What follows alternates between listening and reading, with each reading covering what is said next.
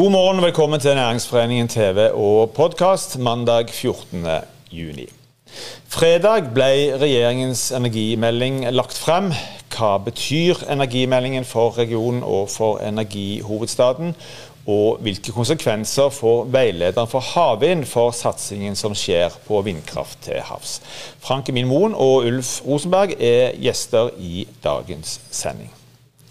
God morgen, Ulf. God morgen. Du var med oss på torsdag. Det var før, eh, dagen før denne meldingen eh, ble lagt frem. Da visste vi lite. Nå, nå sitter du med fasiten i hånda. Eh, jeg kan spørre deg først, er, dette, er det gode eller dårlige nyheter for regionen, sånn som den fremstår? For oss som tror på, er opptatt av at det egentlig Norge og Rogaland handler om, det er verdiskapning og arbeidsplasser basert på naturressurser og energi. Mm. Skal det fortsette, eller skal det ikke? Ja, det skal det. Og det skal skapes nye næringer. Og det skal kuttes massivt i utslippene. Så det er veien framover. Mm. Energihovedstaden er jo et begrep eh, som en satser eh, stort på, og som, eh, som en òg ønsker å forbli i årene fremover. Jeg skulle si litt om det. Altså, hva, hva, hva konsekvenser får dette for energihovedstaden? Den viktigste beskjeden er jo at vi skal ta leverandørindustrien. Den skal danne basis for den store energiomstillingen som skal finne sted. Mm. Og leverandørindustrien det er jo nettopp den som genererer de titusenvis av arbeidsplasser i vår region. Mm. Har den en framtid i det nye energibildet? Ja, definitivt er svaret fra regjeringen. Mm. Er du, altså, går det an å si at det er et slags sånn hovedbudskap her? Energi er jo så mangt. Vi vet jo at uh, energidebatten er på mange måter er polarisert. Det handler mye om klima og miljø, selvfølgelig utslipp. Uh, det handler om verdiskapning, arbeidsplasser osv. Det er ikke alt dette som gjerne av og til i hvert fall går i hop. Kan du si litt om det? Altså, hvordan du opplever det? Hva er på en måte hovedbudskapet fra, fra, fra regjeringen? Alle drømmerier om en avvikling av norsk olje- og gassvirksomhet blir parkert i denne meldingen. Mm. Og det er forventa at det vil bli enighet om i Stortinget. Arbeiderpartiet har allerede godt så sagt ut sagt at denne eh, meldingen i hovedinntrykket er positivt. Vi vet hvor Senterpartiet står i olje- og gasspolitikken, vi vet hvor Fremskrittspartiet står i olje- og gasspolitikken, og nå altså regjeringen med de partiene. Så det ligger an til da en 80% 85 mm. flertall i Stortinget for nettopp dette at olje- og gassnæringen skal langsiktig utvikles stabilt og skikkelig, men med lavere utslipp. Ambisiøse mm. krav om å nå nullutslipp i 2050, men en langsiktig fortsatt virksomhet og fortsatt leiting. Det å leite etter olje og gass, det er bore brønner, stappe hull i bakken og putte stål nedi, er jo en av de største industriene vi har. Dette skal fortsette. Men det skal omstilles, og framtida til den omstillingen og de nye næringene står på skuldrene av den industrien. Mm. Så det er jo godt nytt for oss som energihovedstad. Og så må vi klare å ta tak i de nye næringene som kommer. Mm. Gjør vi det? Nå skal vi høre Frank Emil ja. om vind, og så står det masse bra om hydrogen. Og Stavanger-området er jo et sted det pekes på. Og så er jo vår region et vannkraftfylke. Og det er et stort potensial i å hente mer vannkraft ut. Vi er allerede tunge i vindkraft. Og ja, her er det mm. muligheter. Det var jo en del som var spent i, i forkant, spesielt da innenfor uh, si, tradisjonell norsk olje- og gassproduksjon. Litt i forhold til dette med leiting, altså tidsperspektiv uh, osv. Hva sier egentlig meldingen? Altså, hvor, uh, hvordan, hva, hva legger den egentlig opp til? Det å produsere olje og gass er jo å tømme ei gruve, og gruva går tom. Sånn at olje- og gassproduksjonen forventes jo å falle med en 60-70 mm. innen 2050. Men det gir rom for fortsatt leiting, fortsatt utvinning, fortsatt åpning av nye områder, fortsatt åpning av nye felt, fortsatte utbygginger og en langsiktig, langsiktig satsing. Både fordi dette gir masse arbeidsplasser, og det gir teknologi og teknologisprang som vi trenger. Og det gir verdifulle inntekter som finansierer velferden. Så et langsiktig perspektiv. Men det viktige grepet her er jo avkarbonisering.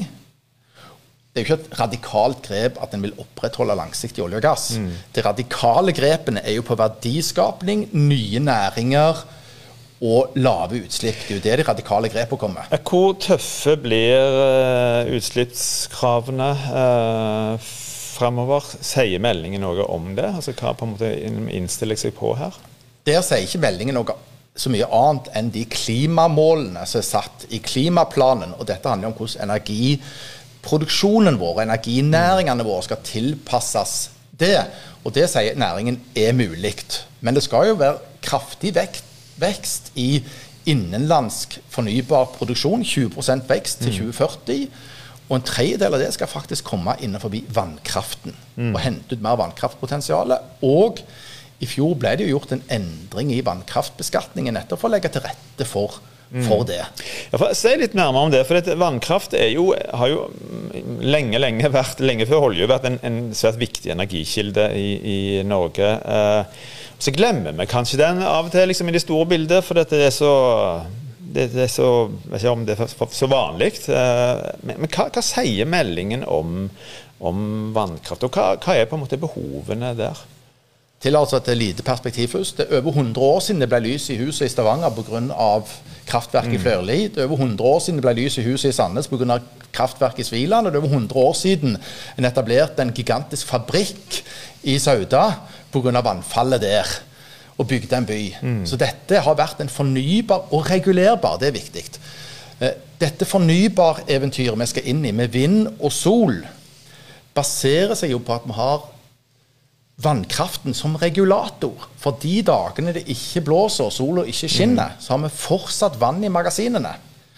Og det å kunne ha denne vekselvirkningen er jo hele forutsetningen for at Norge fortsatt kan være en energistormakt, med at vi kan bygge ut fornybart som veksler med vannkraften. på denne geniale reguleringsmuligheten pga. Mm. bassenger og, og demninger. Mm. Ulf, helt til slutt, eh, bare spør deg eh, Du kjenner jo dette bedre enn de fleste. Men Er det noe i denne meldingen som, som liksom kom overraskende på deg, eller var det som forventa? Eh, brukt mye tid på å forberede dette, så jeg var forberedt på eh, det som kom. Det er ting som ikke står her, som gir oss en mulighet til mm. å spille inn i behandlingen når det da skal skje i Stortinget til høsten. Og nettopp det skal vi jo diskutere videre i Energihovedstadsprosjektet og Energirådet mm. i ettermiddag. Mm. Ordførerens energiråd med 30 toppledere i ettermiddag. Lykke til. Takk, Tusen takk. takk for at du kom. I forbindelse med energimeldingen ble det òg lagt fram en egen veileder for havvind. Den er det mange som har venta på. En rekke aktører står klar til å satse på det noen mener kan bli et nytt eventyr. Industrieventyr. Frank Emil Moen, velkommen. Takk for det.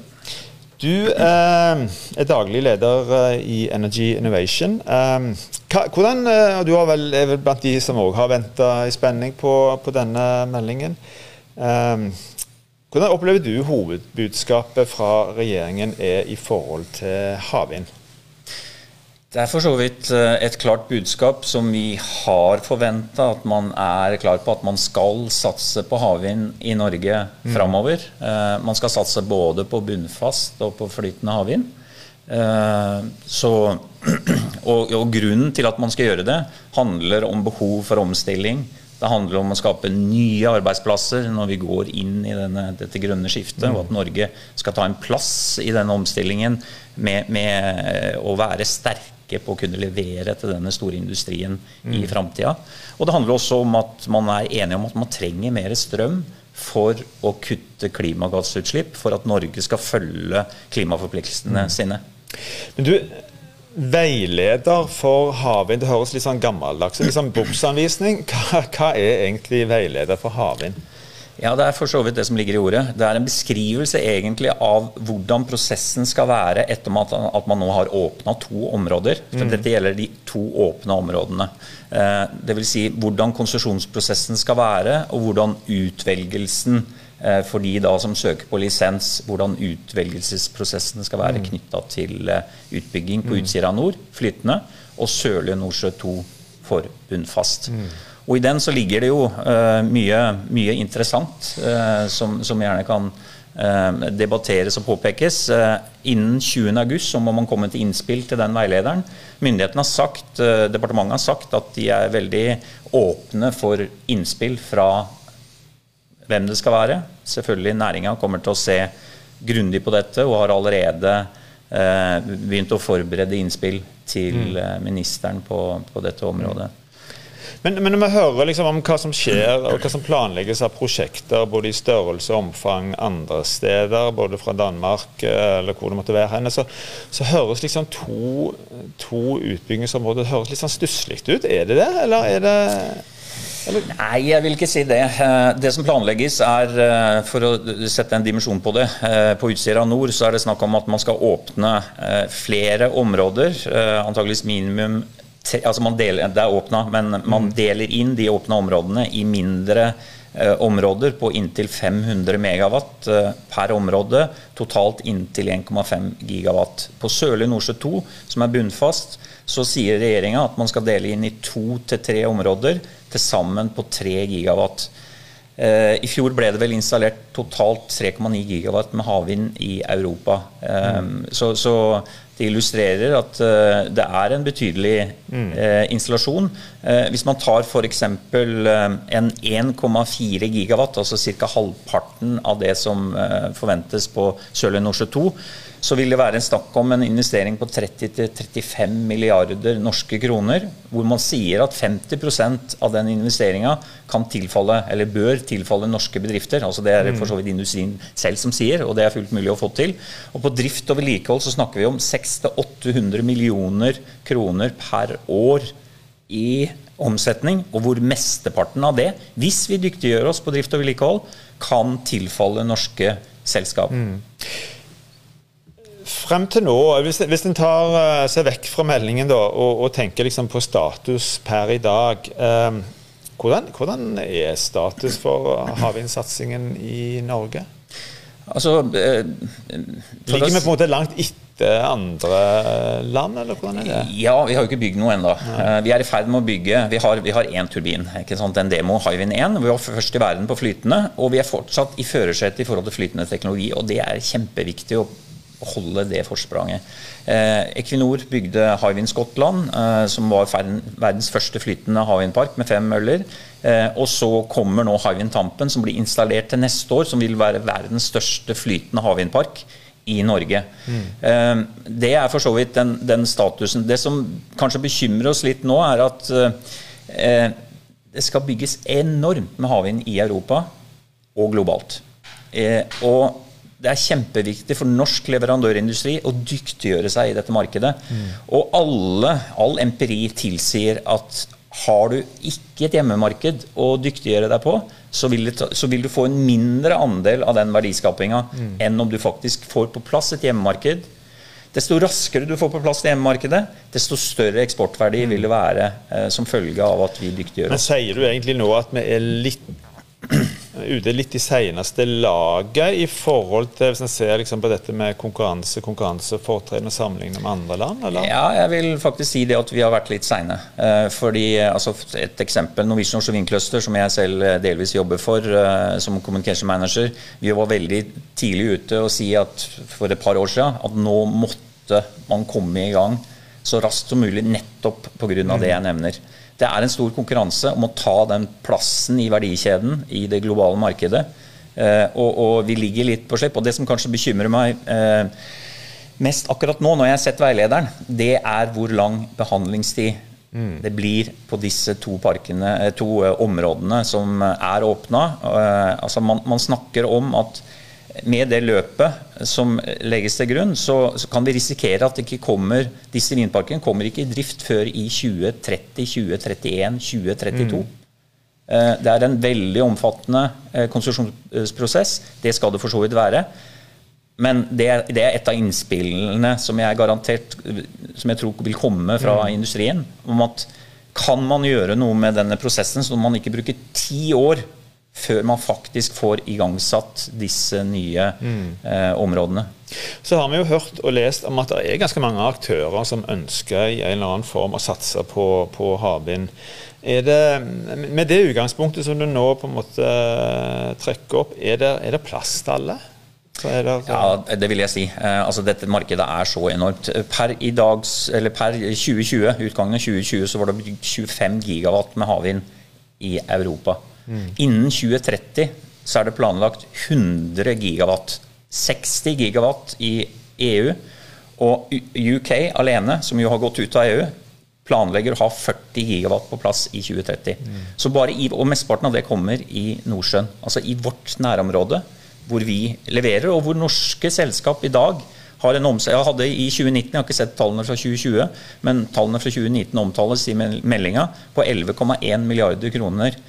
Eksportverdien av det som kommer fra uh, havvind i dag, til tross for at vi ikke har et hjemmemarked, mm. er faktisk på omtrent likt med, med, det som er av eh, verdi fra, fra vannkraften mm. på eksport. Men med det, med, med det utgangspunkt som du, som du, sa tidligere, har vi den kompetansen og teknologien, eh, erfaringen, som gjør at vi er i stand til å konkurrere på utemarkedet med, om, om, disse prosjektene, enten er i Storbritannia eller andre steder innenfor, innenfor EU? da?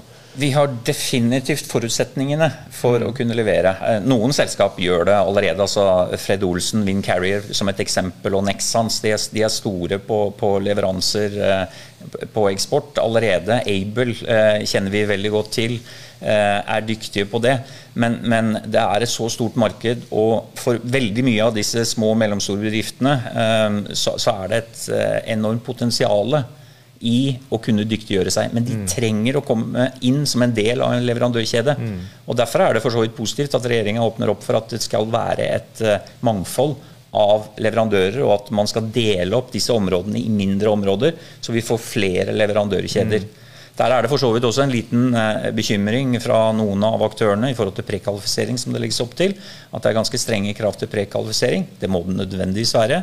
Uh, at man, man da kan gå glipp av eh, at mindre aktører ikke kommer inn i denne verdikjeden og får, eh, får, levert. Og at det blir mest utenlandske aktører som kommer til å vinne disse konkurran mm. altså konkurransen. Auksjonen for øvrig, mm. som, som, det legges opp til for Sørlige Nordsjø 2. Du, hvor, eh, hvor, regningssvarende er uh, denne industri, industrien per i dag? Det er jo et av de argumentene av og til blir brukt som ble, ble, brukt mot denne satsingen? At det liksom Ja, det kommer litt an på hva man mener med regningssvarene. Hvis det, hvis det er direkte på, på, bunnlinja i forhold til uh, hva, om det er lønnsomt uten noen form for uh, støtte, så har det blitt sånn nå at for bunnfast teknologi i Europa så kommer det flere og flere prosjekter som, hvor det ikke trengs noe støtte i det hele tatt. Mm. Og det er definitivt også samfunnsøkonomisk lønnsomt. Eh, for flytende. Det er en umoden teknologi som med alle andre typer umoden eh, teknologi trenger subsidier, sånn som Bunfast har trengt en god stund, for å kunne bli eh, direkte lønnsomme på mm. bunnlinja. Eh, når vi snakker om eh, hvor regningssvarende det er for Norge å bli en del av dette markedet, så er det jo ingen tvil om at det er et enormt potensial. Altså, hvis man gjør som i Europa, eh, altså man, man, ser for seg Europa med at det blir bygd 450 gigawatt innen 2050, så er det altså snakk om investeringer på 1200 milliarder euro. Eh, og det er OPEX, altså drift- og vedlikeholdsbudsjettet på 300 milliarder euro i mm. dette markedet. Dette vet jeg du kunne snakket om til i morgen tidlig, men nå er tida vår slutt. Sorry. Takk for at du kom. Lykke til. Denne sendingen er slutt. Takk for at du så på oss. Vi er tilbake igjen i morgen tidlig på samme tid. I mellomtiden, hold avstand, ta godt vare på hverandre.